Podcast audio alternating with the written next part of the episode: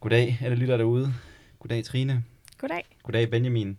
Hej. Benjamin, vi har jo lidt unfinished business fra øh, sidste podcast. Ja. Øh, sidste podcast, der introducerede vi lytterne til Benjamin sådan officielt. Der har ikke rigtig været nogen sådan officiel, kan man sige, markering fra Benjamins side, Jeg er bare Øh. øh. kommet ud af det blå. og begyndt Vildt. at stille spørgsmål, og det, og det gør du tit. Lidt som Cæsar. Mm, måske, måske. Men øh, det der så var, det var jo, at jeg havde haft fat, eller at vi havde fået et spørgsmål fra U12-spillerne Yes. i Hasle Bordtennisklub, der havde spurgt Benjamin at, om, at hvis et fascistisk styre overtog Danmark og tilbød dig at blive hele nationens talerør, hvad da?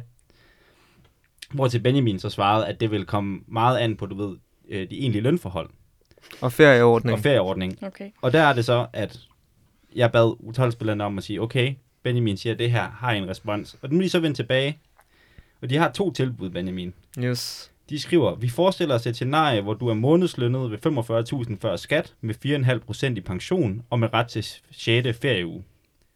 Eller månedslønnet 45, og vi forestiller os selvfølgelig bare, at du har sagt ja til Mm. en af de her tilbud, ikke? Altså. Eller månedslønnet 45.000 før skat, med 3,5% i pension, så det er lige en procent ned. Ret til 6. ferieuge, men så også retten til at få børn. Og det har jeg ikke i den første, eller hvad? Det har du ikke, nej. Det er det, det, er det fascistiske styre, de ligesom forestiller sig derude. Hvor det Og hvornår er der tiltrædelse? Det vil være, når at det fascistiske styre ligesom træder i kraft. Og Så jeg vil godt kunne nå at få et barn før. Det vil du godt. Så, så er det deal nummer to. Så er det, Det er helt Nej. sikkert. deal nummer to, altså Ja, den, altså hvor du har den, hvor retten jeg- til at få børn. Nej, sorry, deal nummer et. Så du tager den der ene procent Yes, i og så pension, skynder jeg mig at få et barn. Og så skynder du at få et barn inden. Præcis. Så du skal i gang. Jeg skal i gang. Fordi at det her, det er altså nogle livlige fyre. Det er inden podcastet det er, herovre. altså før du ved af det, så er det jo Ah. 16. Ja, det, det er Og rigtigt. det er altså, det er en helt Det anden der, sag. jamen det er rigtigt. Ja. Okay, ja, Ja. godt. Så fik vi svar så på ved det. lytterne det. det ja, det. jeg tror også, øh, det vil de blive glade for at høre. Øh, ja, men øh, nu videre til noget helt andet. Jeg er helt vildt glad for, at jeg ikke fik det spørgsmål. Tak. Ja, Ja. det, og Tak. det, det er også en af de svære, ikke? Mm. Altså, hvad siger man lige? Men altså, Benjamin han sagde bare, ja, det handler om ferieforhold. Sådan. Der havde Ferieordning og lønvilkår, ikke? ja, og løn. Jeg synes stadig, det er lidt... Jeg synes egentlig ikke helt, det er, det er en god løn. er du, hvad, hvad vil du have? Altså, 90.000. 90.000 før skat? Så kan alle de, de er fattige, eller hvad man kan sige, jo bare lade være med at få så mange penge. Ja, De kan betale min løn. ja. Det, det må være fair, tænker jeg umiddelbart. Trine, hun holder sig helt ude af den her. Jeg, Ja, ja, ja. ja. Ja, det- jeg siger ikke noget, jeg det trækker ikke engang vejret. Ja, vi, øh, vi, vi bevæger os øh, helt markant videre til noget, som du ved lidt mere om, Trine. Hmm. Og det er Romeriet. Ja. Og øh, jeg har jo skrevet til dig og spurgt, om du vil komme ind og snakke med os i dag, fordi du har skrevet en bog om Romeriet, eller om Julius Caesar nærmere, som jo måske er en af de baddest motherfuckers, der nogensinde har tiltrådt den her jord. Ifølge ham selv, i hvert fald. Ja. Øh, og jeg, altså, deler du den her fascination med Romeriet, som jeg har? Altså, jeg er fuldstændig forgabt af romerne. Altså, sådan, jeg er nærmest lidt forelsket i dem. Altså, sådan, Ja, jeg skal lige, øh, inden vi kommer for godt i gang, Mm. øh, lige sige, at det, jeg har ikke skrevet bogen alene. Jeg er Mm. en af to redaktører på bogen og har selv bidraget til det, men, øh, men jeg har skrevet den i samarbejde med en række fantastiske kolleger. Fair nok. Mm. Godt, du siger det. Øh, og vi kan måske også godt give dem credit, når vi øh, laver beskrivelsen Super, af podcastet. bare lige for Ja, helt sikkert. Men øh, jeg ja, kan bare Romeriet, sige et al. Ja, et, et, alt ja. flot. Det går godt Mm. med latinen, drenge. Ja. Det er Dejligt. ja. Øh, jo, fascination for Romeriet. Jo, helt bestemt. Helt bestemt. Den, Den er, er ikke, den, ja, den er ikke visnet bort endnu. Nej. Nej. Hvad, hvad er det fedeste ved romerne? Øh, jamen, de, det er, at de stadigvæk spiller så stor en rolle for os i dag. Selvom de, øh, det, de gjorde, og deres storhedstid, øh, ja, den, øh, den, det er så længe siden, at den ligesom øh, udrullede sig. Mm. Fuldstændig. Det er sjovt, fordi det er sådan, og det er også en af, jeg tror også, det er en af de ting, der gør, at jeg er så fascineret af romeriet, det er, at i hvert fald i den uddannelse, jeg har modtaget i offentligt regi, der har der virkelig været fokus på de gamle grækere, og du ved, Mm. alle de ting, de gjorde, og vi har det vores demokrati fra Athen, og så videre, og så videre.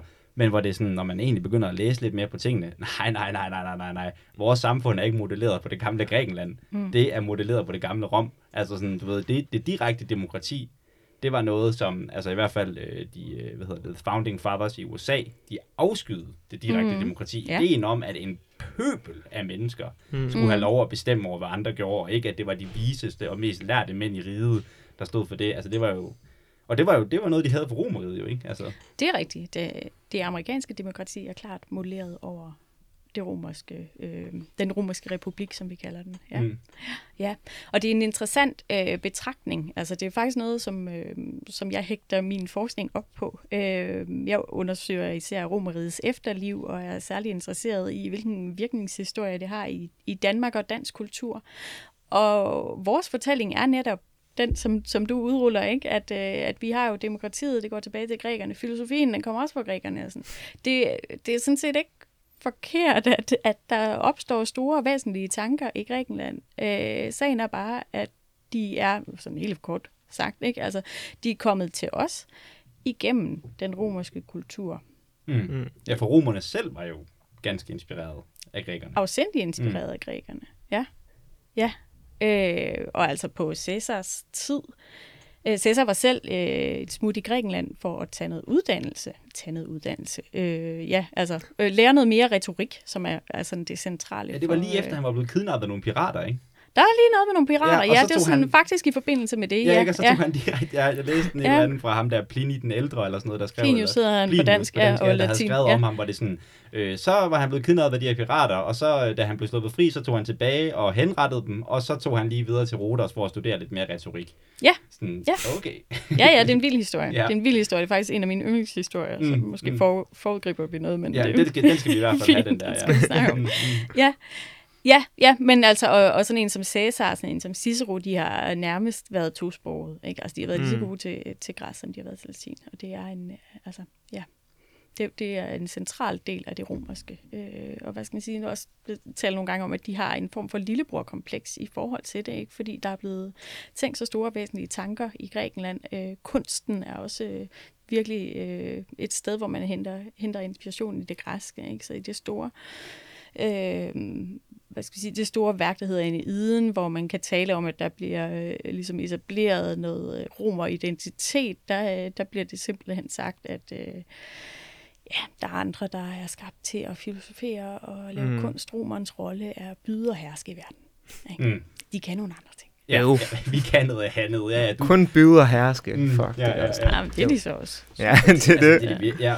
Er det, er det, var, altså, kan, kan, vi ikke lige, bare, kan du ikke lige uddybe det der, ikke? Altså, lillebror-kompleks, det er sgu en... Jamen, det er måske også lidt kægt Okay, sagt. Øhm, det kan vi godt men det er i hvert fald en anerkendelse af, at der er øh, der er udviklet nogle ting i den græske kultur, som man, øh, som man overtager øh, og lader sig inspirere af, og som i høj grad danner et fundament for romernes øh, øh, kulturelle udfoldelser. Altså lige præcis det værk, Eneiden, som, øh, som, som den her sætning, som jeg nu har skamparafraseret, øh, bliver sagt i.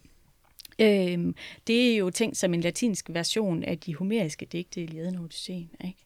som er de her store græ- græske fortællinger. Romerne vil også have en stor episk fortælling, ikke? Men, øh, men man har ikke, øh, eller det er i hvert fald ikke en, som, som øh, i den her form er blevet øh, videregivet fra mund til mund. Det er selvfølgelig noget, der er baseret på nogle myter, det er ikke øh, noget, Vergil trækker op af en hat, vel? Men, øh, men det er øh, en skriftlig komposition, mens vi mener, at de homeriske digte er øh, som Mm.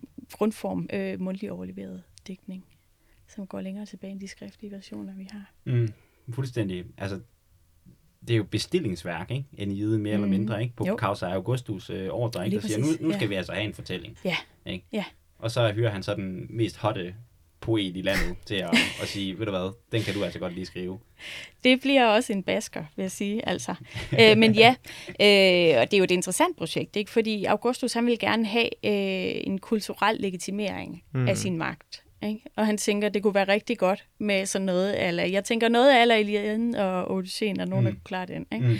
Øh, men det han får, er jo ikke en stor fortælling om hans egen øh, hans, eget, hans egen sejr over Marcus Antonius, som var ligesom det sidste, der gjorde, at han endelig kunne komme til magten. Vel, øh, og man man kan sige, at Cicero, en anden stor romer, øh, der er lige lidt, altså lidt ældre end Augustus, øh, han ville også gerne have skrevet et, et langt hyldestigt om hans øh, tid som konsul, og det endte med, at han selv gjorde det. Ikke? Og altså, Cicero er en kæmpe stor stilist, fantastisk forfatter, øh, og altså, i dag er der ikke nogen, jo, passer ikke, men vi taler ikke ret meget om hans, øh, hans digt, vel, fordi Nej. det er næsten ikke Mm. til at holde ud. Mm. Men det, som Vergil så laver, det er, at han går langt tilbage i tid. Så han laver en mytologisk Mm. fundering af lige præcis Augustus families øh, særlige rolle i forhold til grundlæggelsen af Rom, og altså en, en, øh, en lang bagudskuende øh, fundering af, af ham i den her position, øh, magtposition. Mm. Det er sådan noget med, at den starter med sådan noget med, at det er sådan nogle, der er skibsforliste, ikke? Eller sådan noget, og så øh, støder op mod de italienske kyster. Og Mm, Så, jo, øh, jo, jo. bare, altså, der øh, går noget tid, før de kommer til Italien, fordi den, Ja, den den skal minde om Odysseen. ah, Ja, det, det, den starter den ikke i krigen. Altså, ja.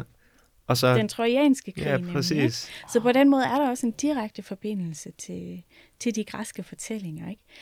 Det, hovedpersonen er Aeneas, der er prins af Troja, og kommer til at grundlægge det, som senere bliver til byen Rom. For byen Rom er jo grundlagt af Romulus. Og er der et eller andet med, at han stammer fra en eller anden gud, eller sådan noget der? Ja, Ja, ikke? lige præcis. Hans mor er gudinden Venus. Ja, det var sådan, det var. Yes. Ja. Damn. Det er så Ja. heldigt, de fik mange børn, de der guder. Ja, det, det. Så ellers så havde det altså været problemer. Det er Ja. ja. vigtigt, at der er nok til alle, ligesom riger, der har Ja. brug for en mytologi. Ja, ja, ja. Ja.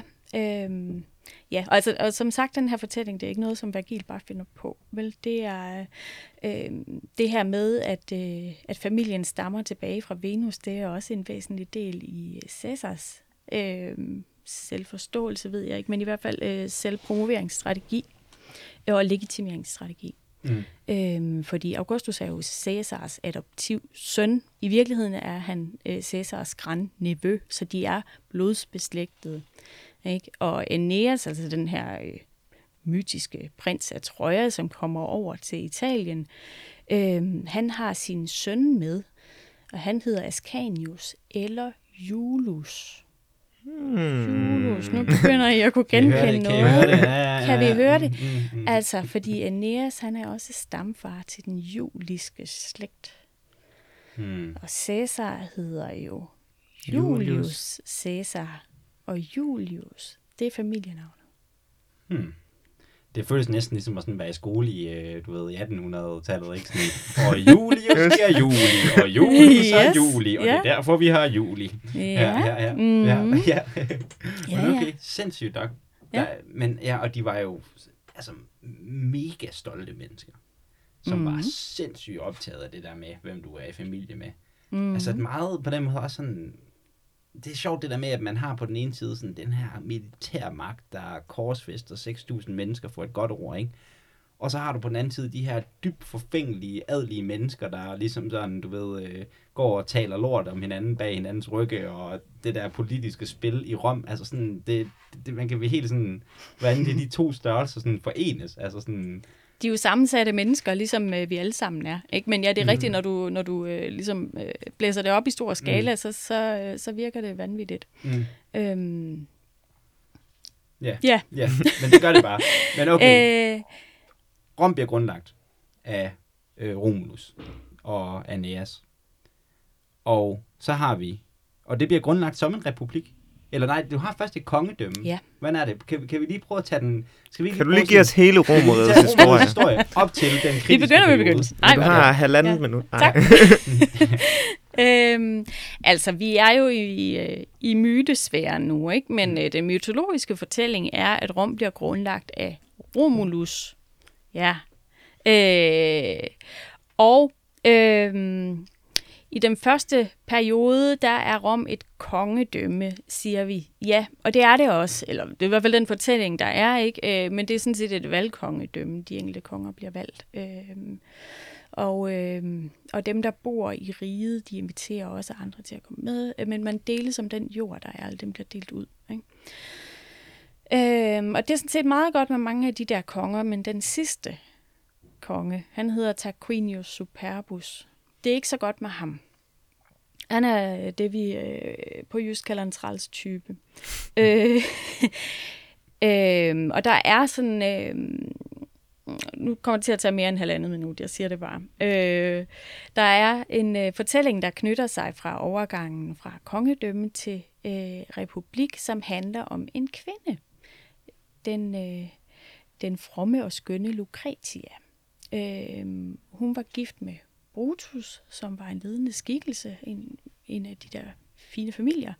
Øh, og Brutus, han var til fest med forskellige, øh, og de kom til at snakke om, damerne var ikke med, øh, hvad var deres koner lavet derhjemme, ikke? Og, øh, og så snakkede de om sådan, jamen, hvem var mon den bedste kvinde, hvem var den mest dydige? Sådan er man nemlig god ikke? I, i den romerske optik. Ikke? Så man skal være, altså, ja, hvem er, lever mest i overensstemmelse med det, som er de kvindelige dyder. Øh, og det, så, det diskuterer de lidt, og så kommer de til at tænke på, sådan, skulle vi ikke bare tage hjem og tjekke? Altså simpelthen øh, finde ud af, øh, så hvordan det forholder sig.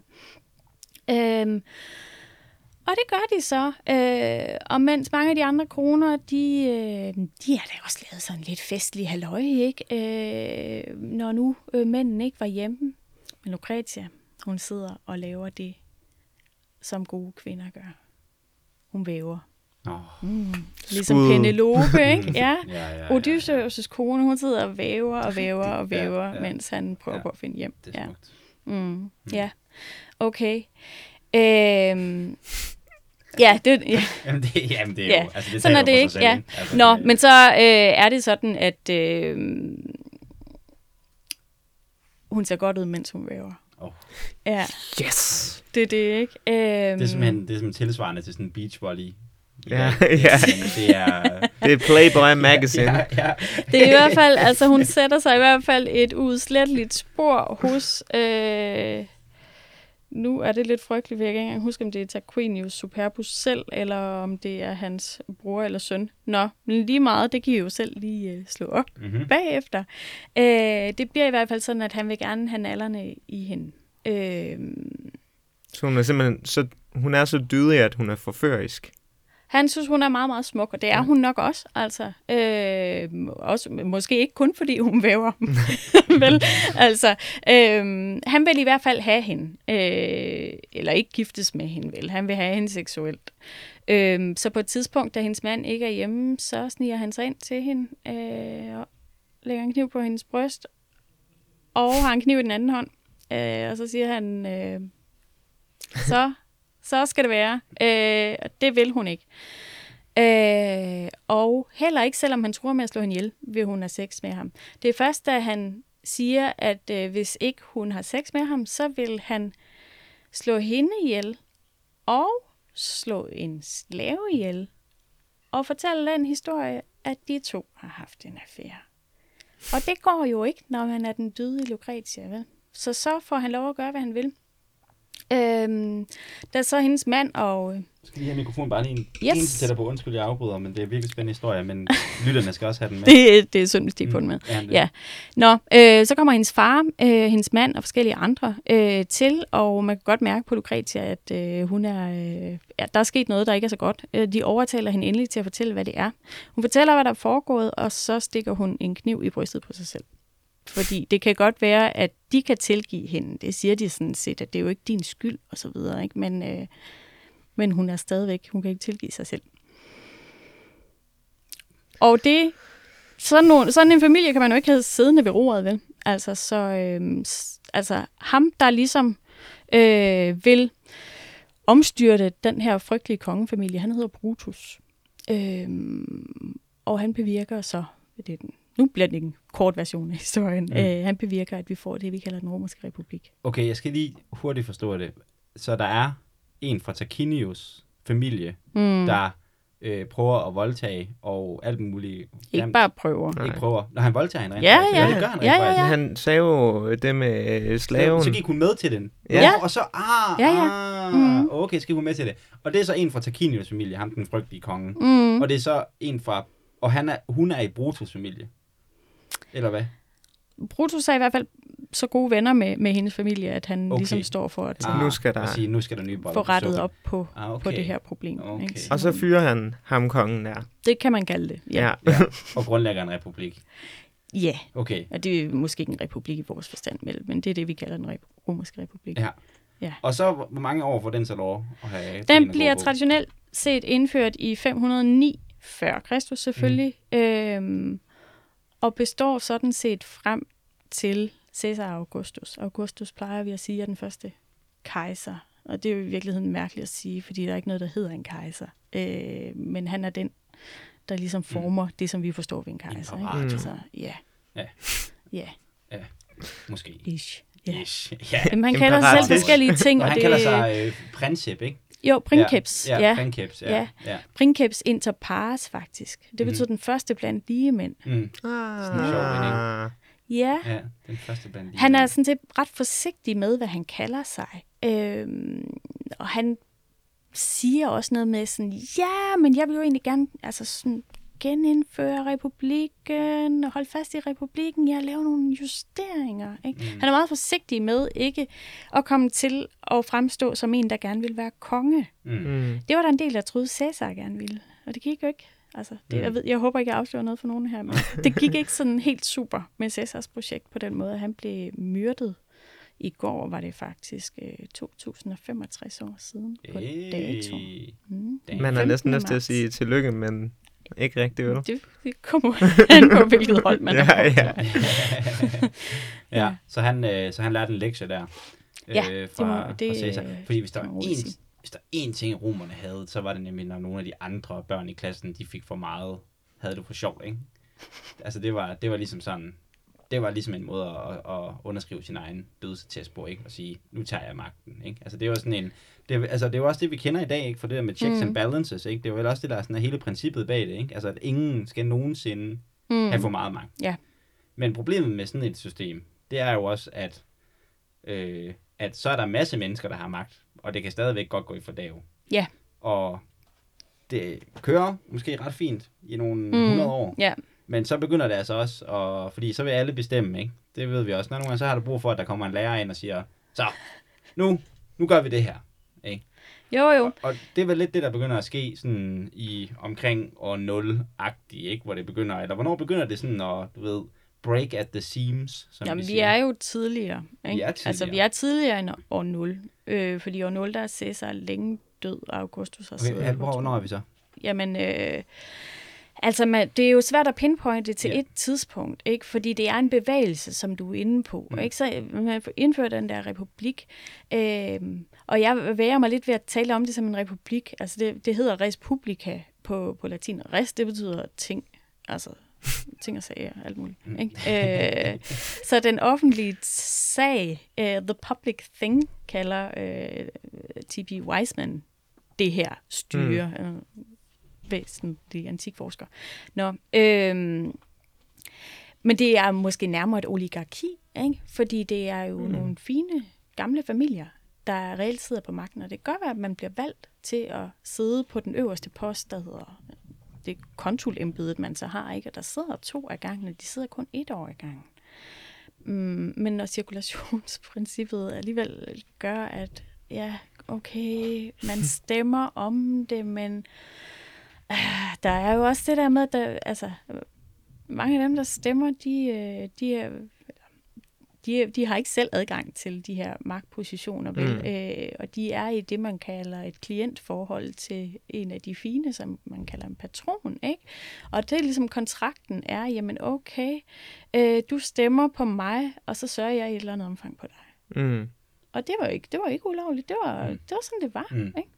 Ja, det er ligesom, når Berlusconi, han køber en grill, ikke, til, altså så lige ud til på landet og købe nogle Weber-grill til dem der, ikke, og sige, hvad så, er vi, Mm. Ja, er vi venner nu, eller hvad? Ja, kan jeg regne ja. med dig, ikke? jo, Altså, det er jo jo, jo, altså. Øh, det er bestikkelse Ja, på en høflig måde, ikke? jo, jo, jo. Altså, god- men i Rom har det været systemet. Ja. Altså, mm. der er nogen, der siger, at, øh, at den mafia, som man har i Italien, at det sådan set går helt tilbage til det patron-klient-forhold, man havde Mm. i antikken. Det skal jeg ikke øh, gøre mig klog på, om er sandt. Det lyder en lille smule vildt måske, men altså... Øh, men det, det har været et system, Mm. mm. ikke? Men det viser jo også, at det er, øh, det er noget andet, end det, vi forstår ved et demokrati, ikke? Øhm, der er også der er sket det, at, øh, at den her styreform er udviklet til et lille rige. Ikke? Men der sker jo det hen over årene, at romerne ekspanderer ret voldsomt. Altså. Og det passer ikke med det her styre til at holde styr på det nye store rige. Plus der er sket det her med, at det er blevet nogle få familier, der sidder på al jorden. Og det der med den uretfærdige jordfordeling, det gør, at der dukker nogen op, som siger, skulle vi ikke lige prøve at kigge lidt på det her? Det er ikke så populært blandt dem, der har en hel masse jord. Det er en gammel sang, ikke? Altså, øhm, men det ser vi flere eksempler på. Nogle af de vigtige er grækerne, Tiberius øh, Gracchus øh, og Gaius Gracchus, øh, der som folketribuner øh, foreslår en lov om omfordeling af jord. Det gør den første af dem, der, der sidder. Og den bliver faktisk vedtaget, øh, den der lov. Mm. Øh, men han blev så slået ihjel. Folketribunen var øh, sakrosant? Mm. Men han blev slået ihjel, øh, imens han er ved at udføre sit værv øh, som gør, at han er sakrosant. Altså, Og så, så det er vildt. og så dør loven, eller hvad? Og loven er der stadigvæk, man ignorerer den. Smart. Så brugeren begynder sådan, hvad, skal vi, skal vi lige øh, snakke lidt om det her Ja. også? Men det skulle vi ikke, vel? Altså, det skulle vi simpelthen ikke. Øhm, så der er, altså, det er spændinger. murer, ikke? Altså, der er spændinger. Ja, ja, der er i ja, den ja, grad ja, ja, spændinger. ja, Øhm, og så en bevægelse den anden vej. Altså, vi har noget polemik med, med en, der hedder Marius og Sina, øh, som fører til en konflikt med en anden, der hedder Sulla, øh, som ender med, at Sulla kommer til at sidde som det, der hedder diktator i øh, 6-8 år. Diktator, det har nogle konnotationer for sådan nogen som os, ikke? Øhm, men det er faktisk en post, som man kan udnævnes til inden for rammerne af den romerske republik. Fordi det er nemlig, siger, som du ligesom har været inde på for lidt siden, Asbjørn, sådan at der kan godt være situationer, hvor det er praktisk, at det er en mand, der sidder ved roret, hvor mm. vi ikke skal snakke rigtig længe om alting. Mm. Ikke? Altså hvis der er ydre trusler, så kunne man udnævne en diktator øh, for en begrænset tidsperiode. Mm. Sulla sidder lidt længe. Mm. Og grækerne havde også et, et nærmest et lignende, lignende system, ikke? Altså Mm. under krigstider, ikke? At man ligesom Jo, sagde, jo. så nu, nu pakker vi lige det der demokrati væk. Nu skal der ligesom... Jo, jo, ham der Perikles sad Mm. også sådan i spidsen for det. Mm. Øh, i- ja. Men vi har vel også noget, ala det i dag, kan man vel sige. Altså undtagelsestilstand. Mm, det er nemlig sådan en form for Mm. undtagelsestilstand, Mm. mm. ikke? Ja. Men Sulla, han er en meget atypisk diktator, ikke? Fordi at han er en af de eneste diktatorer, måske i verdenshistorien, der faktisk går af Ja, frivilligt. Ja. Det er er bemærkelsesværdigt ved ham. Men ja. lad os lige få styr på tidslinjen. Ja. Vi har Grake-brødrene her. Ja, Grake, der er hvad vi- du på dansk? Grakkerne. Grakerne. Ja, Det- det- grakkerne. det Det, er på det er i hvert fald på jysk ja, ja. dansk. Så ja. vi har Grakerne. Ja. Og så har vi Sulla. Sulla. Ja, grakkerne, der er vi i sådan 120'erne og 30'erne og 20'erne før Kristus. Før Kristus. Ja. ja. Sulla, der er vi henne i 80'erne Der er vi i 80'erne. før. 80'erne før, så der går 40 år mellem Ja. de to. Og han sidder frem til 79 før. Okay, Der går han af. ja. Ja. Så ret hurtigt egentlig er han på og af igen. Jo, jo. Ja, Altså, ja. Ja. Jo, altså der er en lang periode med polemik, polemik, polemik. Mm. Mm. Ikke? Øh, og så har han en regime på en tre års tid. Mm. Ja. Øhm, og han er jo i øvrigt, han er konservativ. Ikke? Ja. Så det er ikke det der med sådan, hey, lad os fordele noget mere land. Nej. Nej, nej. Nej, nej. God gamle. Ja, og Men han... mine soldater, til gengæld, de skal altså lige have noget jord. Mm. Er det samme? Mm, ja, ja. Ikke? Jo, Ja. jo. Og det bliver Ja. så også et økonomisk Ja. problem senere for dem, ikke? At, at give Jo, dem den jord, det som bliver han har lovet nemlig et problem. Ja. Ja. Men, Ja. så vi er i 79. Mm. Sulla, han går af. Ja. Okay. Og alt imens er der jo også bare lige krige over det hele. Ja, ja. Sådan rundt om Romeriet, ja. Ja. som de kæmper sådan Ja. tre krige på en gang Mm. eller sådan noget, og pirater og alt muligt. Ja. Okay. Så nu, nu, nu, nu nærmer vi os Vi nærmer ligesom, os i vi den nærmer grad. os Ja. i den grad. Ja. Så nu kan vi måske godt sådan Skal vi- zoome skal lidt vi- mere ind lad os på gøre en eller anden det. måde. Så, Ja. så hvad, hvad sker der? At- Hvor tæt er vi på, ligesom at vores hovedkarakterer, de begynder at træde ind? Jamen, nu er vi i en situation, hvor vi har noget overlap, faktisk. Fordi Cæsar, han er født ifølge traditionen år 100 før Kristus. Uh. Ja, ja, ja. Øh, og hvis vi skal flette ham ind i, øh, i den her øh, fortælling om, om uro og muren, så øh, blev han gift tidligt. Det er jo sådan lidt atypisk for en romersk mand. Han blev gift som cirka 16-årig. Øh, det der fødselsår er en lille smule usikkert. Det kan godt være, det er nærmere 102 før, men man plejer at sige 100. Øh, det er også dejligt rundt tal. Mm. Ikke? Nå, men øh, som 16-årig, hvis han blev født mm, 100, øh, der bliver han gift med øh, sin kone, sjovt nok, øh, som er datter af ham, der hedder Senna, som altså er på hold med Marius. Mm. Ja, som altså er i opposition til Sulla. Mm. Mm. Da Sulla så kommer til magten, så vil han have, at Caesar skal skilles fra Senas datter. Men det vil Caesar ikke. Så han tager i stedet for i eksil, så tager han væk fra Italien. Han har nogle funktioner, øh, nogle militære funktioner, men han kommer først tilbage til Rom efter Sullas... Øh, Sulla dør ret kort efter, han går af. Altså, øh, ja. Øhm, Var der en grund til, at Sula gerne ville have, at, at, at Cæsar blev skilt? Øhm, han ville jo gerne have, at han ikke var associeret direkte med Senna. Han er sådan set også associeret med Marius, fordi Marius var gift med hans faster. Hmm. Så han er infiltreret i, i den her konflikt igennem sin familie, kan man sige. Ikke? Men der bliver jo taget aktiv stilling imod Sula ved, at han nægter at lade sig skille. Hmm. Om det er noget, vi kan føre tilbage til ham selv, eller det er en familiebeslutning. Det ved vi ikke, vel? Men, Mm. øhm, men det er i hvert fald interessant. Mm. Hmm. Og Hvis vi skal prøve sådan at, at tegne et billede af, af Julius Caesar på Ja. det her tidspunkt, hvad, hvad er det for en øh, ung mand, vi Jamen, øh, det er en øh, lovende mand. Altså, jeg tror, det er Sulla, der skulle have sagt, ifølge en af de der historikere, der har skrevet længe efter øh, Caesar er død, ikke? Øhm, at der var mange Mariuser i den knægt. Øhm, men altså, han var, han var lovende, han fik en god uddannelse. Øhm, det er der nogen, der siger, at det især er hans mor, man kan kreditere for, for nu bare lige at få de her kvinder en lille smule på Ja, banen. ja, ikke? det skal vi Ja. helt sikkert. Nemlig. Øhm, og, altså, han var blandt andet i Grækenland og lærer noget retorik. Retorik er sådan det centrale øh, i den romerske uddannelse. Poesi spiller også en vigtig rolle. Men pyt med det. Øhm, han havde nogle militære øh, funktioner, og det gik rigtig godt. Altså, han fik en af de rigtig fine udtalelser, den der hedder Corona Kivika, øh, for nogle af sine tidlige bedrifter. Øh, der var den her vidunderlige historie med, at øh, med piraterne, øh, som vi måske kan vende tilbage til senere. Den har sådan en anekdotisk karakter. Måske skal vi alligevel tage den nu, ikke? fordi det foregår i 75 før Kristus, altså så da Caesar er omkring 25. Ikke? Han bliver øh, kidnappet af pirater, øh, og de vil jo forlange en løsesum for at aflevere ham igen. Det er ligesom deres business. Det kender vi også fra i dag. Ikke? Øhm, og da Cæsar ligesom hører om, hvad de har tænkt sig at tage i løsesum for ham, så siger han, nej, nej, hold op, jeg er meget mere værd end det. Ikke? Så han retter, i, så, så han, skal, han skal koste noget mere. Ikke?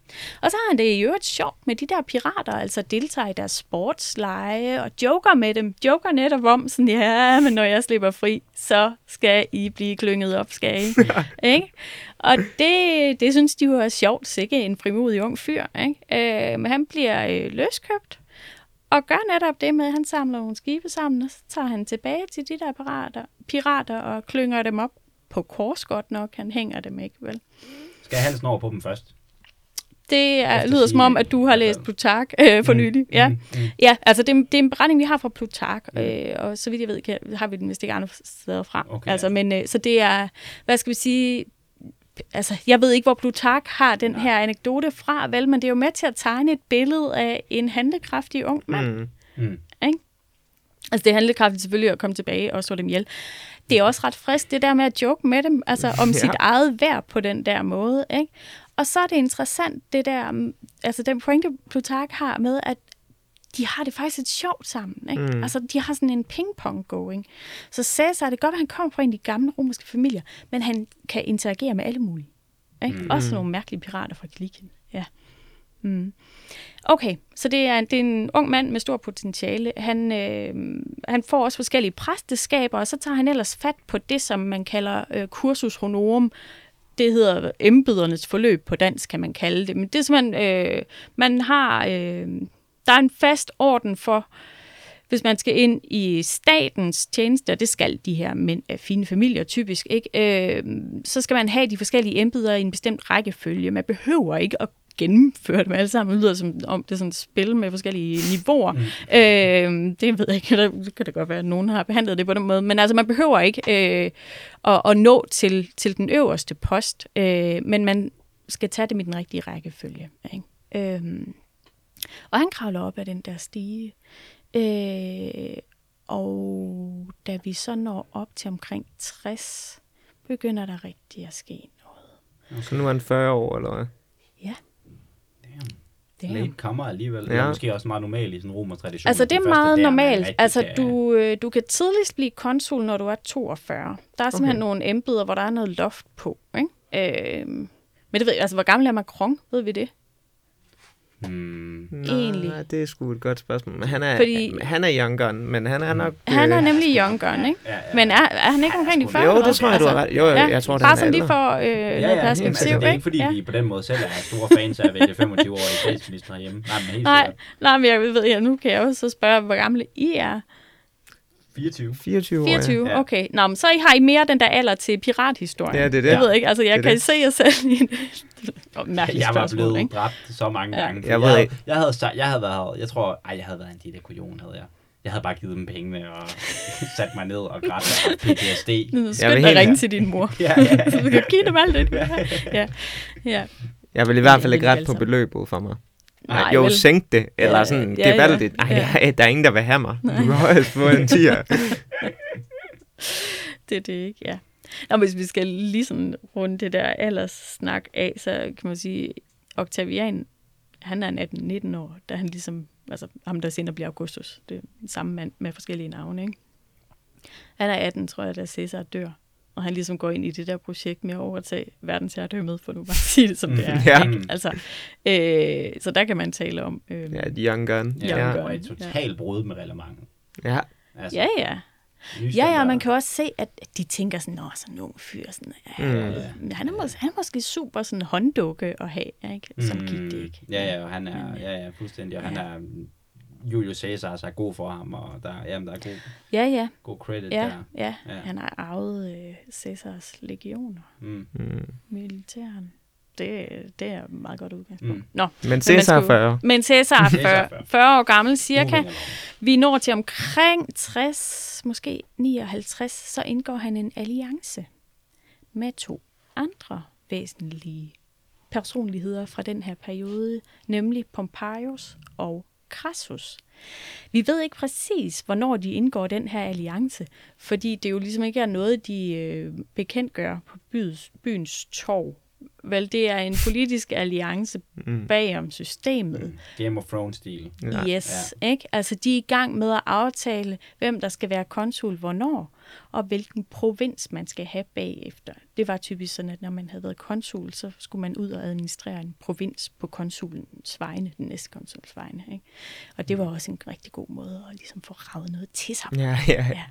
I Asterix er der sådan nogle rigtig øh, grumme fremstillinger af sådan nogle tykke nogen, der er ude at være provinser. Ikke? Så de skal ud og blive rige. Mm. Mm. Sådan savlende og i orgier med mad og penge, penge, penge. Mm. Ja. Det er sådan lidt man- ligesom, hvis man har været folketingspolitiker nu, så Mm. Får man en eller anden ambassadørpost, som Christian Jensen lige har fået, eller sådan noget der. Mm. Ja, faktisk. Ja. Ja. ja. Interessant parallel. Ja. Lad vi lige stå. Nå, men øh, de indgår den her alliance. Øh, Caesar bliver konsul for året øh, 59, og bagefter så får han provinsen Gallien. Mm. Så er der Asterix. Så er der nemlig Asterix, ikke? Men romerne vinder i den her version. Ja, det der med den der lille by, det har vi, det er ikke, det er ikke så meget med. Nej. Der er ikke nogen skriftlige Nej, nej. kilder omkring øh, trylledrik. Lille fix. Nej, jeg beklager, det tror jeg simpelthen ikke. Det tror jeg ikke, jeg kan, det skal op med. Nej, så skal jeg, så skal jeg virkelig på, så skal jeg i arkiverne. Øh, Min barndom med er noget ødelagt. Ja, undskyld. øh, ja.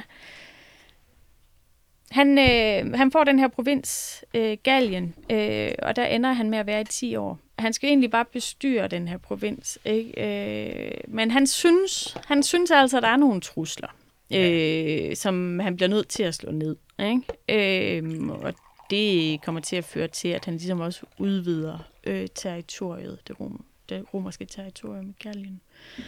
Øh, og man begynder at blive lidt nervøs i Rom, fordi han bliver for magtfuld en figur. Øhm, er man nervøs for, ikke? Mm.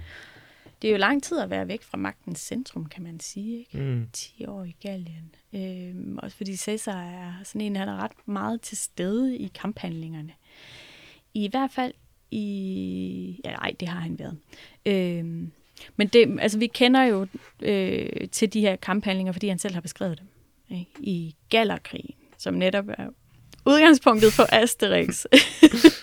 Også blevet brugt i andre sammenhæng, vil jeg sige. Øh, det, er en, øh, eller det har været en, øh, en skoletekst i århundreder, det er det sådan set stadigvæk, når man lærer latin i skolen. godt at man lige skal op øh, sådan på højniveau i gymnasiet med Mm. latin, før man kan læse noget Cæsar. Øh, vi læser det også lidt på universitetet med vores studerende. Men det er sådan, altså i, det har været i en 400-500 år sådan en, en klassiker mm. i, Mm. i undervisningen. Ikke? Hvad synes du om øh, hans, øh, hvis nu vi skulle lade som om du var litteraturanmelder, eller, Mhm. Ja. eller hvad, hvad synes du om hans, hans prosa? Det Hans er prosa. kulturen på P1 nu. Nu er det Øh, kulturen på ja. P1. Smagsdommerne? Yes. Øhm, jamen, den her tekst er jo netop blevet et, en øh, skoleklassiker, fordi han skriver et fantastisk klart og fint latin. Mm. Og Mm. det, det kan man også godt forstå, det er det jo nødt til at være. Ikke? Hvis det her skal være hans beretning om, hvad der er foregået, så skal den være klar, øh, informativ øh, og spændende. Altså, vi ved jo også fra Asterix, det der med, at han omtaler sig selv i tredje person. Ikke? Det handler rigtig meget om, om Gallien, også en del om gallerne. Og så, hvad gjorde soldaterne? Og så kom Cæsar. Da det så sortest ud, der kom Cæsar, og så gjorde han et eller andet, og så gik det. Ikke? Så altså, det er en interessant fortælling. Det er interessant i forhold til hans selvfremstilling også. Øhm, og det er et interessant fænomen. Man er, forskerne er ikke helt enige om, hvad formålet med, med det her værk har været. Det har været diskuteret i altså, mange, mange år. Ikke? Er, det, altså, er det værket, som det skulle være? Mm. Skulle det her være en, en form for noter og råmateriale til, at nogen kunne skrive en sådan mere floromvundet beretning om, hvad der skete i Gallien, da Cæsar var der og fik styr på området, eller hvad? Men jeg synes, det en af de, mm, en af de, de nu mest gængse øh, forklaringer virker logisk, nemlig at det her det er beretninger, der er sendt, sendt hjem Mm. til folket, til senatet, for ligesom at blive ved med at informere om, hvad der foregår. Øh, og grunden til, at de er skrevet i tredje person, er, at de skulle læses højt. Mm. Ah, selvfølgelig. Ja, Grineren. Så det er noget, vi skal forestille os, en mand har stået og simpelthen læst op på markedspladsen for Ja. folket. men sådan, nu er der nyt fra Rom Ja, igen, ja, ja. nu skal I høre, kom, Det har bare været ligesom at være i biografen, mand. Og Ja. så komme op og Agtigt. høre, og så, og så er det jo klart, at man gerne vil beskrive gallerne også, ikke? Og så skal det jo være fandme underholdende. Så Ja, kan ja. det jo ikke sådan en gang Ja, ja, ja. ja. statspropaganda, vel? Ja. Så skal man, Nej, men ved du hvad, det er jo altid et, et, et smart trick, ikke? Øhm, jo mere altså bestialske mm. og mærkelige dine fjender er, Mm. jo bedre ser du ud, når mm. Du har vundet Mm. over dem, ikke? Men har, de, har de her, det her værk så en grad af sådan vanvittig propaganda? Altså sådan, er der, bliver gallerne beskrevet som, du ved, folk med to hoveder og... Nej, ikke rigtigt. Faktisk kan man sige, at der er en vis fascination fra Cæsars side af de her galler, ikke? Af deres øh, råhed, hvor hærdede de er, ikke? Så sådan, de bader i floderne, altså det er mega koldt vand. Romerne, de har jo deres dejlige varme bade med vand i forskellige temperaturer, så kan man få noget massage, blive smurt ind i nogle olie og få en lille maske og sådan noget, ikke? Altså, øhm, han er sådan lidt fascineret af den der øh, altså råstyrke, som, som han ser i gallerne. Mm. Mm. Øh, både det fremmedartede, men også øh, altså hvor, hvor, hvor, hvor store nogle modstandere de faktisk er. mm. Mm. Sådan en beretning som den her galler, galler-beretning, øh, eller bog. Altså, det er sådan noget, der får mig... Jeg, jeg kommer til at tænke på to ting omkring øh, Julius Caesar. Øh, Et, så kunne jeg godt tænke mig at spørge dig, hvor... Du ved, der er nogle mennesker, som måske kunne man tage Crassus som et godt eksempel på det, som virker til, at de er fascineret af at have magt for magtens skyld Mm. de vil gerne have magt. Det er nærmest sådan et selvstændigt mål mm. for Mm. dem at få magt. Og så er der så nogle figurer, og det er den kategori, jeg vil sige, øh, Caesar falder i, som bare er magtfulde af natur. Altså det, det, og det, det, det er jo lige meget, om du sætter ham sammen med nogle pirater, eller Mhm. om du sætter ham på toppen af, du ved, af det romerske magthierarki. Så er han bare, der er et eller andet aura omkring den her mand. Og det får mig til at tænke på det her med, og det er det, der leder mig til spørgsmål om sådan, da han er i Gallien her, på det her tidspunkt, og styrer den her provins, Mm. Altså, tror du, at han på den måde har tænkt, jeg skal sgu, du ved, jeg skal videre op? Eller tror du bare, at han har gjort alt, hvad han gjorde, sådan, fordi det var lige det, der gav mening nu? Altså, sådan, tror du, han havde sådan et long game bevidst Ja, på det det tror her jeg, han tidspunkt? havde. Det tror jeg, han han ville gerne være kejser ja. på det tidspunkt.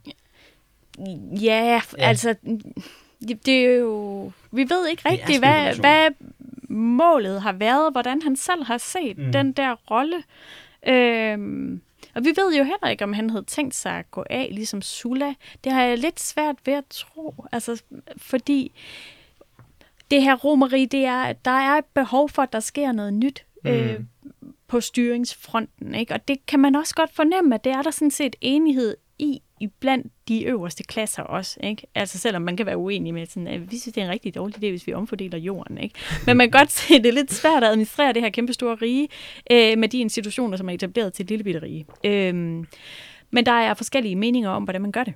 Ikke? Hvad, der er, øh, hvad der er den bedste idé. Så Sådan en som Cicero øh, er ret meget i tvivl om det, men hælder måske nok mest til en republikansk model, selvom han er også Åh, så er han allieret med Caesar i perioder, men det kan man også, det er der er også forskellige grunde til. Altså så selv sådan en, som man anser som en stor øh, stemme fra, fra den gang, han er, ja, det er usikkert, Han er hvad man også skal i stille tvivl, med ja. det. Ja, men det er jo også, hvis man skal skabe noget nyt, ikke? Mm. Altså der er jo ikke, hvor skal man kigge hen Ja. efter modeller? Ja, ja, altså, hmm, ja, ikke? Mm.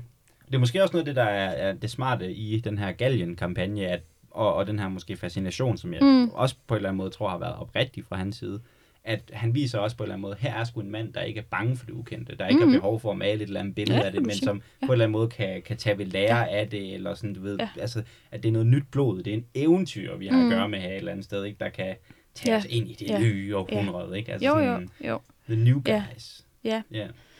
Øhm, der er jo også sket det, at den der alliance med, med Crassus og Pompeius, den sådan smuldrer. Altså det kan da godt være, at man kunne have forestillet sig, at de tre ligesom kunne i et magtkonsortium, at det Mm. havde været en idé på et tidspunkt, men jeg ved ikke, altså de har været for store personligheder, eller hvad man skal sige. Smuldrer den, mens han er i Gallien, eller hvad? Eller... Ja, det kan man godt sige. Der sker det, at Crassus dør i øh, 53, øh, mens Caesar er i Gallien øh, under en øh, kampagne.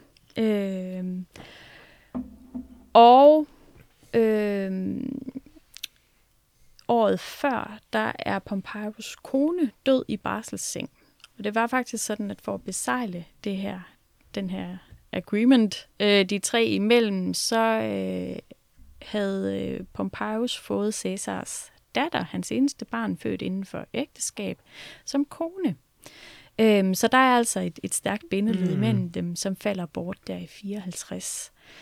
Øhm, og så har vi jo Pompeius, den store, der også er et magtmenneske, ikke? som sidder der og, tænker, og kan se, øhm, hvor stor succes Caesar har i Gallien, hvor magtfuld han bliver, alle de der soldater. Og det kan da godt være, at han begynder at tvivle på mm. balancen i deres relation. Ikke? Ja. Øhm, og det bliver jo i hvert fald sådan, at det bliver Caesar imod Pompeius. Øhm, ja, ja, i sagens natur, fordi Crassus er væk. Ikke? Mm. Men det begynder rigtig at krakelere, øh, da der kommer besked til Caesar fra Rom om, at man vil have, at han skal afmønstre sin her. Ja, Mm. det er han ikke interesseret i. Men det han siger er, jeg er ikke interesseret i det. Ja, det er, ikke, det er faktisk overhovedet ikke det, han siger. Det han siger er, ja, det vil jeg gerne, men så skal Pompeius også afmønstre sin her. Oh. Mm. Mm, og da man så siger, øh, nej, kun dig, så er den korte version af historien, at det bliver nej. gider jeg heller ikke. Det bliver nej. Ikke? Mm. Altså. Mm. Og der er det, er det nu, vi er ved den der, der er det der, der er et eller andet citat med en flod, ikke? Eller hvad er Jo, det? jo, jo, nemlig. Fordi det der Hvad for et årstal er definitivt vi i? 49, 49. Så hvor gammel er, hvor gammel er Cæsar? Han er, har vi regnet med sådan ja, her. fuck, det er svært. 51, ikke? 51. Okay. Ja, Ja, oh, 51. det er svært det der med at regne baglæns. Ja, ja, det er det. Mm, Før, ja. Jo, det må det være. Ja, 49. Der tager Cæsar sin her med, ikke bare til, men også hen over den flod, der hedder Rubicon. I dag er der også en flod, og nærmest en bæk, der bliver kaldt Rubicon. Vi ved ikke, om det er den samme, fordi det var noget Mussolini Han var oppe og kigge mm, efter, så jo, men der har vi den. ja, ja. Der var den. Det må være den derovre, ikke? Ja. Øhm, tager sit gamle Cæsar, øh, du ved, øh, autentiske øh, ja. kostume Jeg forestiller- over med hesten. Terningerne er kastet. Ja, eller sådan masser, det har lige regnet masser af vandbyt. Det må være der. det var Ja, der. han tog jo derop på øh, jernhesten. Ja, Eller ikke cyklen, men toget, ikke? Ja, ja. ja. Øh, ja, undskyld. Ja, ja, han var jo stærkt inspireret af Cæsar, virkelig sådan. Nå, men Rubicon, grænsefloden, som vi ikke ved, hvor er i dag, øh, og han gik over grænsefloden, kalder jeg den, og det er fordi, den udgjorde grænsen imellem, eller grænsen for Cæsars provins. Og han, har kun, han må kun have sin her hos sig, øh, når han er i det område, hvor han har øh, en befalingskompetence. Ja, mit militærsprog er sådan lidt så, ikke? Nå, men han øh, afmønstrer ikke sin her, når han går over Rubicon. Han bevæger sig videre mod Rom. Hvad er det citatet er med, med den der flod? Ja. Ja. Alia jagttagest på latin. Alia jagttages. Lige jagttages. Terningerne er kastet, plejer. Sådan. Mm. Det, det, det er sgu det? Eller er der sådan Eller er det bare ja, præcis. Det betyder, at terningen er kastet. Men det er jo close enough, ikke? Ja. Ja. Jeg ved heller ikke, skulle det være bedre, at det er to terninger, der bliver kastet? eller sådan. Jeg ved, det, jeg ved ikke, hvor den der flertalsgrad er kommet ind egentlig. Hvorfor det... Det er fordi, det er folk, der sidder på sådan ja. bare terningerne. Ja, sådan. Ja. Han har sådan tre kendte citater, er det ikke det? Der er den, så der er Vini Vidi Vici. Hvornår bliver den? Er, det, er den blevet sagt? Åh, jeg mener, det er 47. Det er 47. den ja, slaget ved Sela. Mm.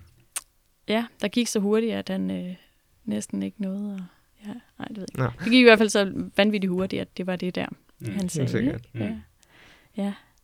Og den sidste, Jamen, Jeg kan ikke huske, hvad den Et sidste. tu, brutu. Ah, det er den, Yes. ah, den gode gamle. den med Brutus, Yes. den kan vi måske Den kommer vi til. Endnu Yes. en Brutus. Jamen, det var også det. Jeg blev sgu helt forvirret, ja. da du sagde Brutus tidligere. Ja, kan jeg vide, om, om der var en mening med, at hun lige præcis sagde... Ja, lad os se på det. Øh, ja, To be continued. yes indeed. Nå, men uh, Pompeius reagerer øh, ved, øh, at han simpelthen lige beslutter at tage ud af Rom. Han tager simpelthen væk fra Rom. Han flygter, eller er det, det... det kunne man godt kalde det. Det kender jeg i hvert fald en, der vil kalde det. Ja. øh, ja. ja, han er ikke den eneste vel. Men jo, man siger, han flygtede. Ja, det siger Caesar i hvert fald. Han flygter ud af Rom, og dem, der holder med Pompeius, de flygter med. Og hvad gør Caesar? Han følger selvfølgelig efter. Så det vil altså sige, at, at de store kampe imod øh, den her del af borgerkrigen, eller den her borgerkrigs store mænd, de foregår rundt omkring i riget. Mm. Øh, og det er ved Farsalos, øh, Pompeius falder, eller hvad skal man sige, hans, øh, han bliver overvundet af Caesar, og Pompeius flygter sig selv til Ægypten. Så det skal egentlig forstås som, at i det Caesar, han krydser den Rubicon, så siger han egentlig, så er der borgerkrig. Ja, jeg tænkte også på det der citat, mm. altså det der, hvor terningerne er kastet, hvad betyder det egentlig? Mm. Det kan betyde, at nu er alt op i luften. Mm. Det er måske en måde at sige det på, ikke? Everything's up in the air. Mm. Mm. Jeg ved ikke, hvad man... Siger vi det på dansk? Alt op i luften. Altså, eller ja. også kan man sige, nu, nu er der ingen vej tilbage. Nej. Altså, Det er nok det, man Ja, vil sige. ikke? Ja. mm. Ja, Men det, er, men det er bare for at forstå det, fordi det bliver sådan, det blev sagt sådan, måske sådan lidt nonchalant, du ved. Og så flygter Mm. de ud, og så Mm. mm. kæmper de, så dør han så ved et slag Yes, nogle år ja. senere. Men det er simpelthen, det vi skal lige forstå her, det er simpelthen, der starter en blodig borgerkrig, der koster tusindvis af mennesker Ja. livet, som konsekvens af, og det at kan han godt være, over den det kan godt være, at Cæsar er blevet provokeret, men det er ham, der tager det første skridt. Mm. Ja. Det der med at gå over Rubicon, det må man ikke. Mm. Nej. Hvad, hvad, når, hvis vi skal snakke herrestørrelser, altså, hvor, hvor, har man nogle af de her? Nej. Ja, det har man. Man, jeg ved det. Du, nej, okay, helt sikkert. Nej, der er grænser for, øh, hvad skal, og hvad skal man sige, det er sådan helt personligt, er det ikke Mm. noget. Mm. Men, men okay, men hvad, hvorfor, hvor, det, det er bare sådan, det er, det er måske også sådan lidt ude for, for, for din boldgade, men sådan det, jeg tænker, hvorfor er det, at han ikke bare vælger at sige, fint, okay, jeg flygter fra Rom, jamen super, så er Rom sgu Ja, åben, dips så Rom. tager jeg ind og, og sætter mig der. Hvorfor er det, at han ligesom vælger at forfølge regeringen, der går i eksil? Fordi Pompeius har også en her. Mm. Ja, så det er, fordi han ved godt, Ikke? det kommer, Altså, det skal nok det komme, kommer. på et tidspunkt, Det kommer og så det må jeg hellere opgør. bevare en Altså, det er, jo, det er i hvert fald ret meget sats øh, at bare tænke sådan, fint nok, jeg tager den herfra, Ja. så ser vi, hvad I finder på. Ikke? I kan gøre jeres bedste. Det, øh, han vil tydeligvis gerne have, skal vi kalde det rene linjer, du Ja, ved ja, ikke, altså, Ja, for sig selv.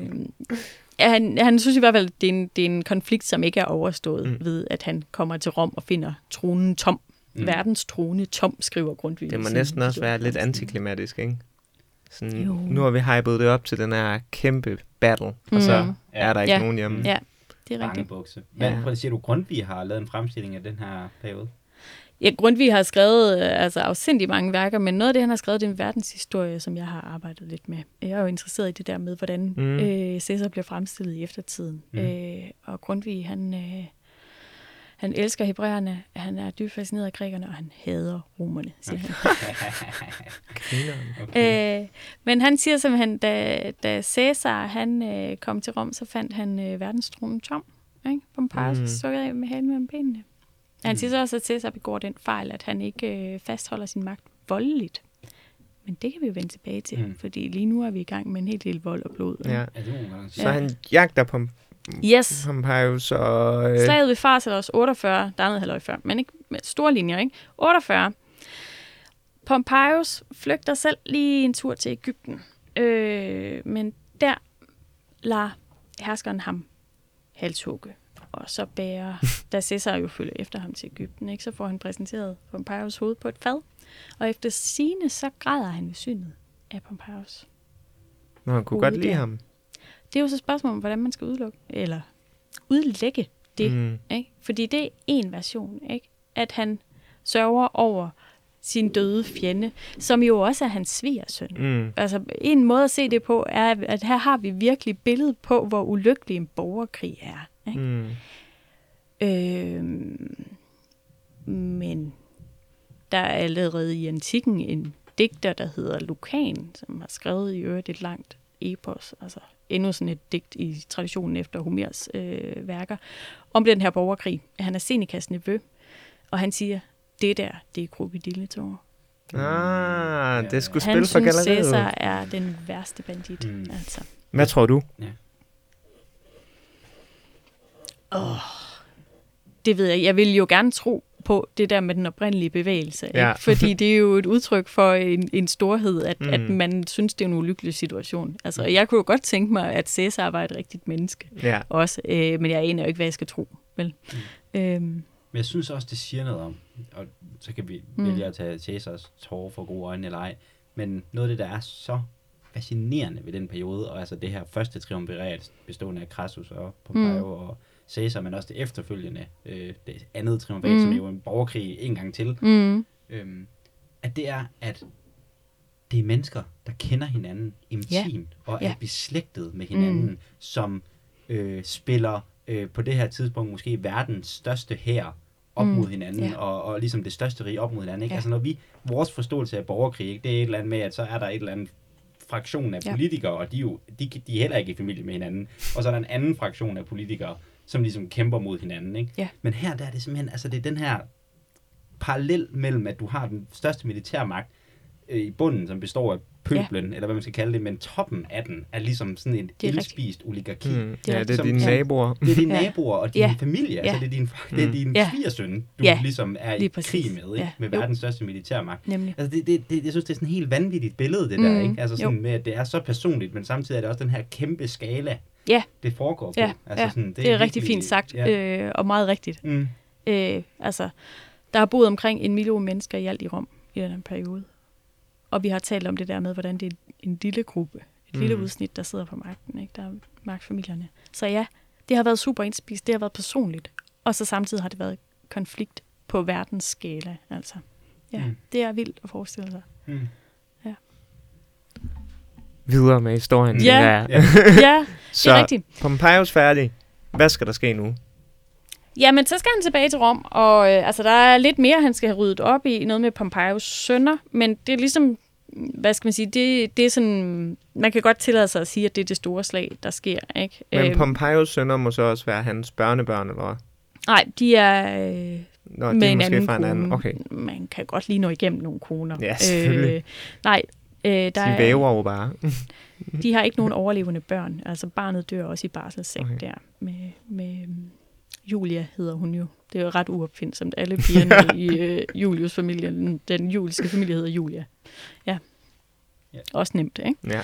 Men øh, øh, ja, Nå, men så er han øh, diktator for en periode. Først et år, så et par år, så ti år. Og så bliver han simpelthen diktator på livstid. Og så begynder det rigtig at trykke for nogen. Hvordan, hvordan bliver man diktator på Ja, livstid? hvordan bliver man i grunden det, ikke? Det, øhm, jamen, det er en af rigtig, rigtig, rigtig mange æresbevisninger, øh, som senatet giver ham. Hmm. Mm. Og det er de bare klar på? Det, ja. Ja. Det er og så de. tænker de vel, hvad? Du får, du, vi kan ikke blive ved med at give. Nu, nu, Ja. Ja. Mm. Det er for meget papirarbejde. Ja. Ja. Livstid. Ja, ja. Ja. Ej, men lad os lige tage lidt mere om den her dynamik, ikke? Fordi mm. selvfølgelig, øh, der står en, en øh, ekstremt magtfuld mand, der har tværet øh, Pompeius ud, som var ligesom alternativet, ikke? Øh, og en del andre, der var på hans hold. Øh, men som vi lige har talt om, så er Rom jo også et miniput-univers. Det lyder helt vildt forkert, men det er et lille univers, det der magtspil i Rom, ikke? Øh, og man kan jo tage forskellige valg, når man nu har sådan en intern konflikt. Sulla, som vi talte om i begyndelsen, han traf den beslutning, at han lavede simpelthen nogle lister over folk, øh, som var til den altså problematiske side. Proskriptionslister kaldte man det. Dem, der stod på de lister, de måtte slås ihjel. De skulle Hmm. faktisk helst slås ihjel. Det var sådan ikke? en alle, naughty fandt- and nice. Ja, sådan noget fredløst nummer. Ikke? Altså, Hmm. Ja. Øhm, så det var vildt blodigt. Altså, og, og Rom er mærket e- efter de der proskriptioner under Sulla. Den grøft går Caesar ikke i. Var det det, du mente med Grundtvig tidligere, at han skulle have været voldeligere? Ja, fordi Caesar, han vælger i stedet for øh, det princip, at han øh, tilgiver gerne sine fjender. Mm. Han øh, er altså også en ret outspoken omkring sin Clementia, det hedder det. Hans nåde, ikke? Der bliver også opført et tempel til Clementia, altså den personificerede tilgivelse. Og det er ligesom hans alternative vej, øh, som han går. Så for eksempel en ung mand, der hedder Brutus, hvis fjerne forfar var ham, der sørgede for, at det blev slut med kongedømmet, og vi fik den romerske republik. Han støttede Pompeius. Han var med Pompeius ved Pharsalos. Han bliver Mhm. tilgivet Caesar. Caesar kender hans familie udmærket. Altså faktisk virkelig godt. Han har en langvarig affære med Servilia, som er Brutus' mor. Øhm, og altså mange andre af dem, der var med på Pompeius hold, bliver simpelthen tilgivet af Caesar. Øh, og altså Brutus var jo enormt tæt på ham. Mm. Ikke? Så han har valgt en anden strategi, og det er det, Grundtvig mener, er Cæsars fejl. Ikke? Han skulle have håndhævet sit regime øh, med magt. Han skulle have haft en altså, massiv bodyguard omkring sig. Det, det havde han ikke. Mm. Det er også interessant. Ikke? Mm. Det er et interessant valg at tage. Og man skal nok holde ham op imod Sulla der.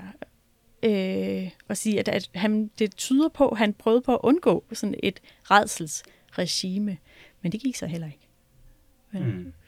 Fordi det bliver for meget. Ikke? Altså, han får alle mulige æresbevisninger, og han overholder heller ikke øh, de konventioner, der er om at vise respekt over for senatet. Det er noget, som, som der bliver gjort noget ud af i alle kilderne, sådan et, en, en procession eller sådan en eller en ceremoni, hvor Cæsar ikke rejser sig op Mm. for dem, der kommer hen til ham og vil overgive ham en ny æresbevisning. Så sidder han bare, ja, super, super. Ikke? Ah, altså, mig. Ja, ja, ved mig. Øh, så man begynder at bekymre sig omkring, altså hvad er hans plan egentlig? Hvordan er det, han ser sig selv? Hvilken rolle ser han for sig selv? Øh, og der er altså nogle af de andre øh, store medlemmer af, af store gamle familier i Rom, der ikke synes, at det er en holdbar løsning. Så der bliver dannet en sammenfærgelse, øh, som jo altså den 15. marts øh, 44 før slår Caesar ihjel. Mm. Det er jo en sammensværgelse af folk fra adelsfamilier. Ikke? Det er også væsentligt, at det er folk fra Caesars egen stand, der slår ham ihjel.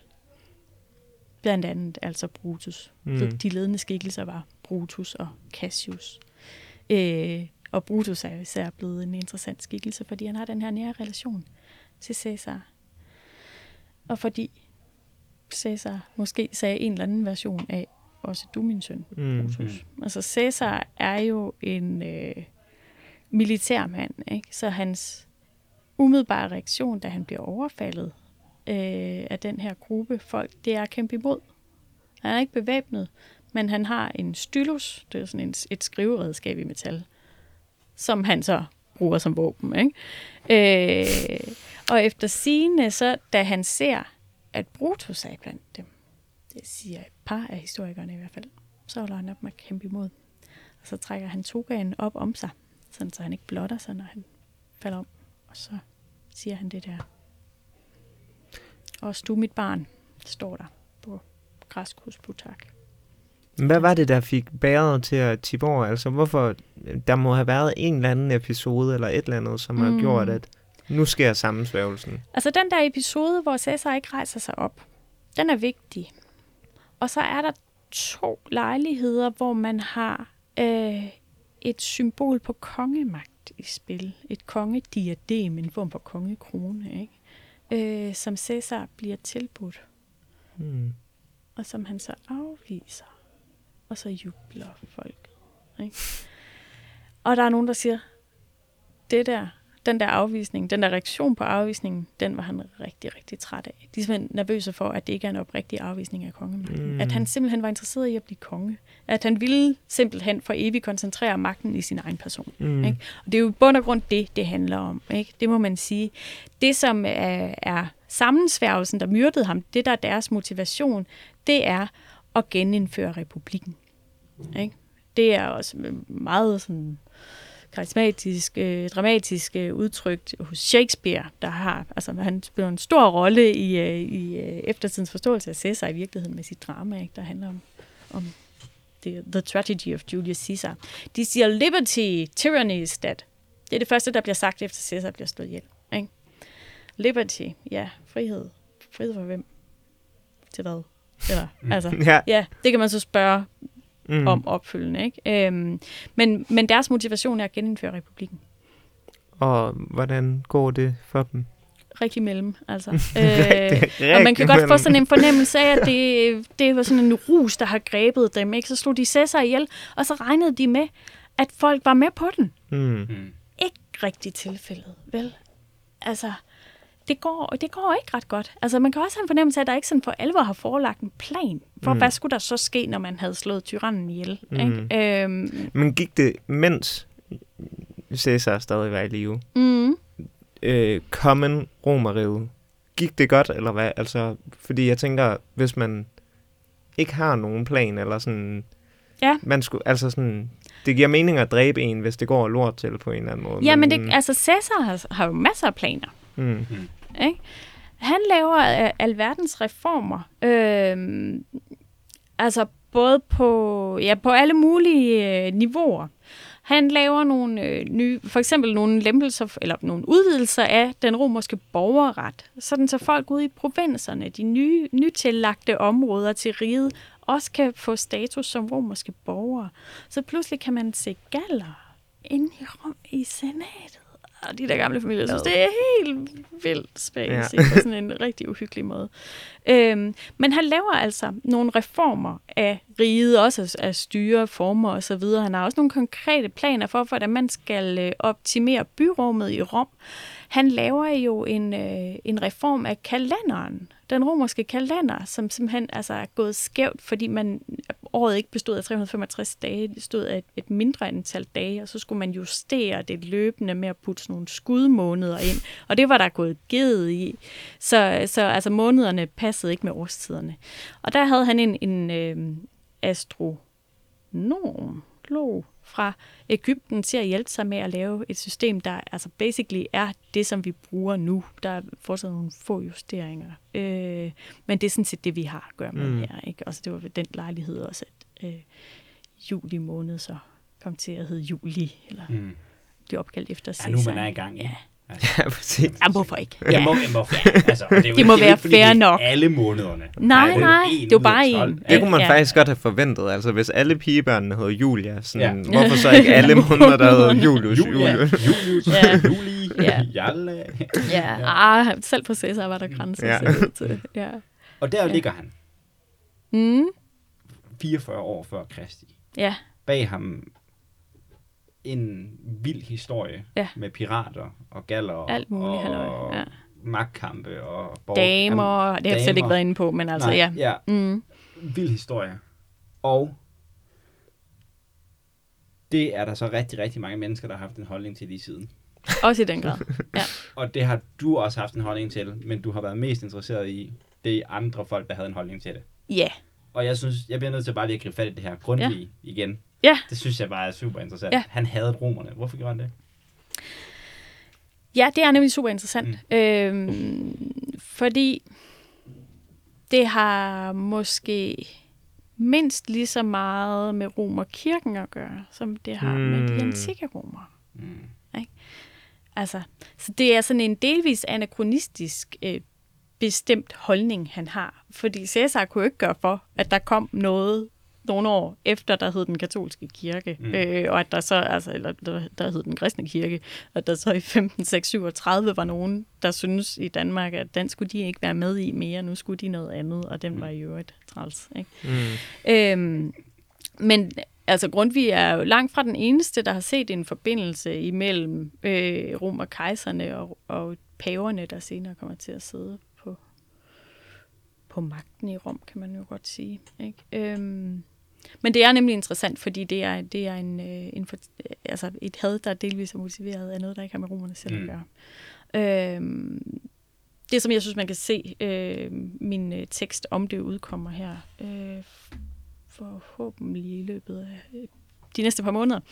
Øh, det er, hvis man går ind i hans øh, tekst, så er der faktisk en nuanceret analyse af de her magtforhold øh, i Rom øh, og Cæsars øh, forløb øh, frem imod magten. Øh, men det er pakket ind i en retorik, som er romerne er noget værre noget. Vi vil som udgangspunkt helst springe dem over, men i en fremstilling af verdenshistorien, så kan vi Mm. ikke rigtig undlade at komme ind på noget om dem. Så vi tager kun de hovedtræk, der er allermest nødvendige. Øh, altså, han er meget sådan eksplicit omkring det her med sådan, og det var noget forfærdeligt noget. Det var noget og, skidt. Ja.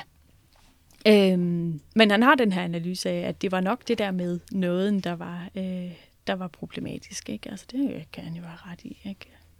Mm. Ja. Ja. Hvis, nu er du jo filolog, Mm. Og du fortalte os, inden programmet gik i gang, at en stor del af filologien går ud på at prøve at forstå antikke kulturer på deres egne præmisser, om man vil. Ja, det er jo sådan super øh, imaginært projekt. Ja. Ja. Altså, men, ja, Men så, lad vidt, os- lad så os- vidt muligt. lad os- altså. Lad Ja. os modigt, Ja. frygtløst springe ind i det her fantasiunivers. Mm. Og så, altså, hvor meget, altså, romerne var jo mennesker som dig og mig, det er sådan Mm. rigtig klassiker, ikke? En gammel traver. Ja, ja. Men, hvordan var de ikke ligesom os?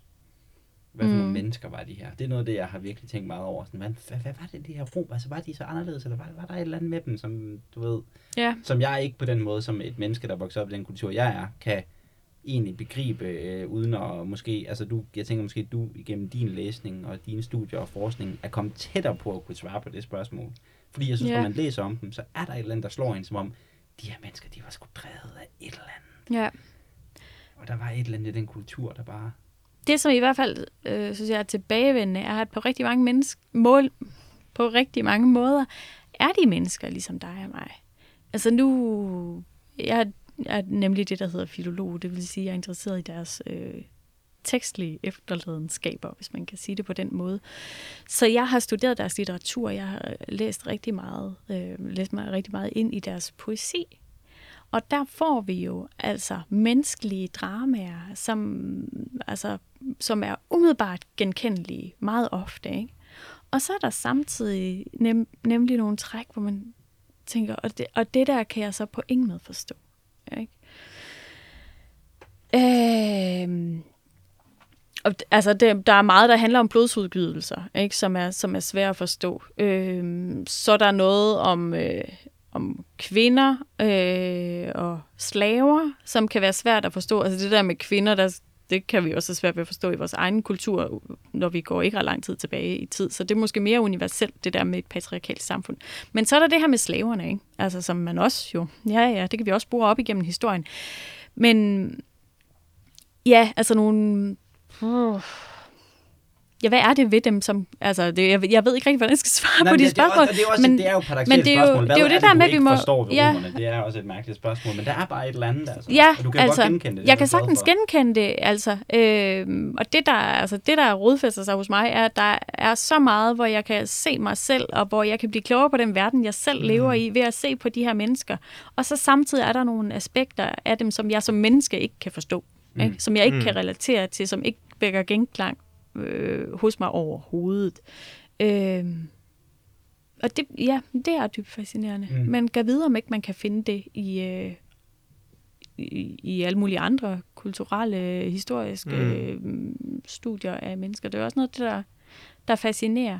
Jeg tænker også, det er noget af det, som vi bliver ved med at prøve på at se, om vi ikke, altså kan vi ikke komme til en forståelse af den del også. Mm. Øhm, og så omvendt er der også, der er måske også en tendens til, at man ser lidt bort fra det, fordi Mm. der nu er så meget, der minder om os. Ikke? Mm. Øhm, Er der, noget, er der noget, du mener, vi kan, kan lære af romerne? Det er også sådan lidt. Men altså sådan, du ved... ja, Er der, ja, det er der. Hvad, hvad er det, vi kan lære af romerne? Hvad kan vi, er der et eller andet, vi har glemt i vores kultur, som romerne havde, som, som vi godt kunne trænge til? Og på den måde, sådan ro- romerske dyder og sådan Brinkmann-agtig stoicisme, øh, altså, Måden at Jo. bruge skjold. Fod Brinkmann på mig. Ja. øh, ja, men altså... Vi er på P1 igen. det- Det er det være, Brinkmanns er Brix. Ja. Nej, er men det, det ikke synes at jeg, altså, jeg synes, der er mange steder, hvor vi kan se, altså hvor, hvor romerne netop udtrykker sig om, om noget, som vi, vi kan tage til os direkte. Ikke? Og det kan være i, i den historiske filosofi. Der kan også være i, i mange af de vidunderlige kærlighedsdigte. Øh, der kan være deres humor. De kan synes, det så, altså, lave jokes, som stadigvæk er sjove. Ikke? Øhm, Okay, kan du en romersk joke, der så? Ej, åh, det skulle jeg aldrig have sagt. Det kan jeg ikke. Nej, okay, okay. Men, det, men, du har, Men altså, du noget af deres humor er- Ja, Øh, men det er, faktisk, altså det er faktisk, nu kommer jeg så i tanke om nogle steder, hvor, hvor man samtidig kan undre sig, ikke? Fordi der er nogle af de ting, der bliver fremstillet i antik komedie, som virkelig er sjovt. Altså, der er rigtig meget sådan noget brudt, brudt komedie. okay. Altså, hvor man tænker sådan, okay, verdenshersker alligevel, ja. Mm. Men altså, der er jo også nogle øh, komplicerede dramaer, som man kan spore op i vores egen holdbær og så videre. Men altså, øh, men der er også, altså, der er også noget brudt humor, som er, det, er rigtig meget brudt humor i, øh, i tidlig græsk komedie også. Ja. Altså, ja. Nå, men noget man kan lære. Altså jo, og så... God brud. Det er sgu da meget sjovt. Ja, det er Ja. ja, kan være sjovt. Den er også Jo, jo, vi glemt, altså. ja, øh, Den stammer helt fra Romerriget. Mm. Ja, og så altså, man har fremført øh, komedier, hvor, hvor folk har været klædt ud med overdimensionerede kønsorganer og sådan noget. Altså, Mm. ja. Nå, det er sjovt, kan jeg mærke på Benjamin. altså, altså, Okay. Ja. tanken om, hvis man finder sådan et en, en kæmpe falsk tidsmand fra 2000 år Mm. siden, altså det er sgu da lidt En sjovt. antik penis. En antik rekvisitpenis, Ja. altså det er sgu da meget Ja, sjovt. det er meget sjovt, ja. Ja. Men hvis, altså, lidt tilbage til det der med at lære noget. Øhm, altså, det, du har jo nu fået inspiration til, hvad du skal lave, når du keder dig hjemme i dit øh, corona-univers. Så skal du læse romersk komedie øh, og græsk komedie. Nej, men altså, vi kan, der er mange, der kan se noget Cæsar, eller noget, der minder om Cæsar i mange af tidens politikere. Ikke? Hmm. Så altså, nu i den her fortælling er der måske nogle træk, som spejler noget, vi kender. Ikke? Øh, og her har vi så øh, forskellige konflikter udrullet, som vi kan spejle vores moderne problematikker i. Måske kan det gøre os klogere på et eller andet. Jeg kan heller ikke lade være med at tænke på, jeg har faktisk spekuleret over det, siden, siden der sidst var en, der spurgte, sådan, hvorfor skal vi så kigge på ham der Cæsar, ikke? Øhm, der talte vi om, at øhm, der har været en opsætning af Shakespeares øh, Julius Caesar, hvor hovedrolleindehaveren, altså Caesar, blev optrådt som en, der lignede Trump. Hmm. Ikke? Så der var en ret meget en-til-en øh, sammenligning af Trump og Caesar, hvilket jo førte til en hel masse ballade, fordi det var i 17, mens Trump stadigvæk sad, og Caesar bliver altså myrdet på scenen. ikke? øhm, det er lidt vildt.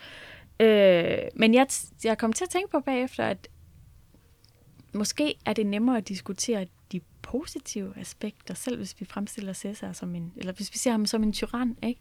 Det er måske nemmere at tale om, som hvad er det, der er fascinerende ved den her mand, Hmm. end det er at tale om ved en politisk leder, der sidder. Ikke? Mm. Det vil altså Trump, det kunne også være en, der er mere entydigt er diktatorisk, eller hvad man nu skal sige. Ikke? Måske øh, giver den der distance os nogle andre muligheder for at diskutere problematikker, personligheder, øh, politiske valg, personlige valg osv. Ikke? Fordi altså det har fundet sted, men det er alligevel noget, der er så fjernt for os, at vi har et forhold til det, men, Mm. men det, altså, det er også noget, der, der er uden for os selv. Ikke? Så Mm. der, altså, der mener jeg, der er et stort potentiale ikke? I, i romersk historie i høj grad, fordi den er så divers, som den er. Og den har haft for stor indflydelse, historisk set, som den har. Altså det her, det er jo fortællinger, øh, eller begivenheder, fordi de er jo fundet sted, ikke? Som, som har optaget os altid siden, ikke? og som ikke er entydige. Som der er så stor en kompleksitet i, at vi ikke er færdige med at diskutere, hvordan de hænger sammen, hvad der er rationalerne, altså hvem, hvem der har øh, fat i den Mm. lange ende, er jo, altså det er jo en altså, lidt kedelig øh, måde at, at ville opsummere det her store kompleks på. Ikke? Men det rummer enormt mange problematikker, problemstillinger. Det rummer enormt mange forskellige karakterer, måder at være menneske på, måder at agere på som magtmenneske og som menneske-menneske. Ikke? Mm. Altså, øh, ja, det, Mm. Mm. det afleder øh, rigtig mange diskussioner, det har det altid gjort. Og det, ja, det tror jeg kan give os rigtig meget. Mm. Mm. Det har det i hvert fald gjort Mm. øh, de sidste øh, 2065 år.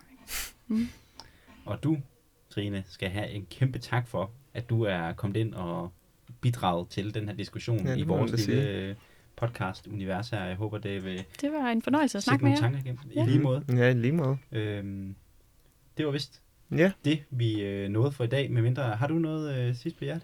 Jeg synes, vi er kommet godt omkring alt ja det synes jeg. Mm. Det synes jeg i hvert fald. En lille ting. Ja. Jeg kan fortælle en helt konkret ting, man også kan lære af romerne. Jeg tror, det var sidste år, der blev der udgivet en romersk kogebog, Ja. og man, de spiser rigtig mange øh, bælfrugter, altså kikærter Mhm. og så videre, så hvis man vil spise en mere klimavenlig kost, Yes. kan man kigge til romerne. Og det Jeg, jeg har får mig smagt til at noget tænke af på det. Det er lækkert. Mm. noget lidt sjovt, fordi at Cicero, hans navn betyder nemlig, kommer nemlig af det romerske eller latinske navn for kikærte. Det er rigtigt. Caesar, tror jeg det var, i sin korte form. Det Ja. ved jeg ikke. Ja. Så der kan man bare se. Full circle. Ja. Bla bla podcast. I dine ører. tak for i dag, Trine. Selv tak.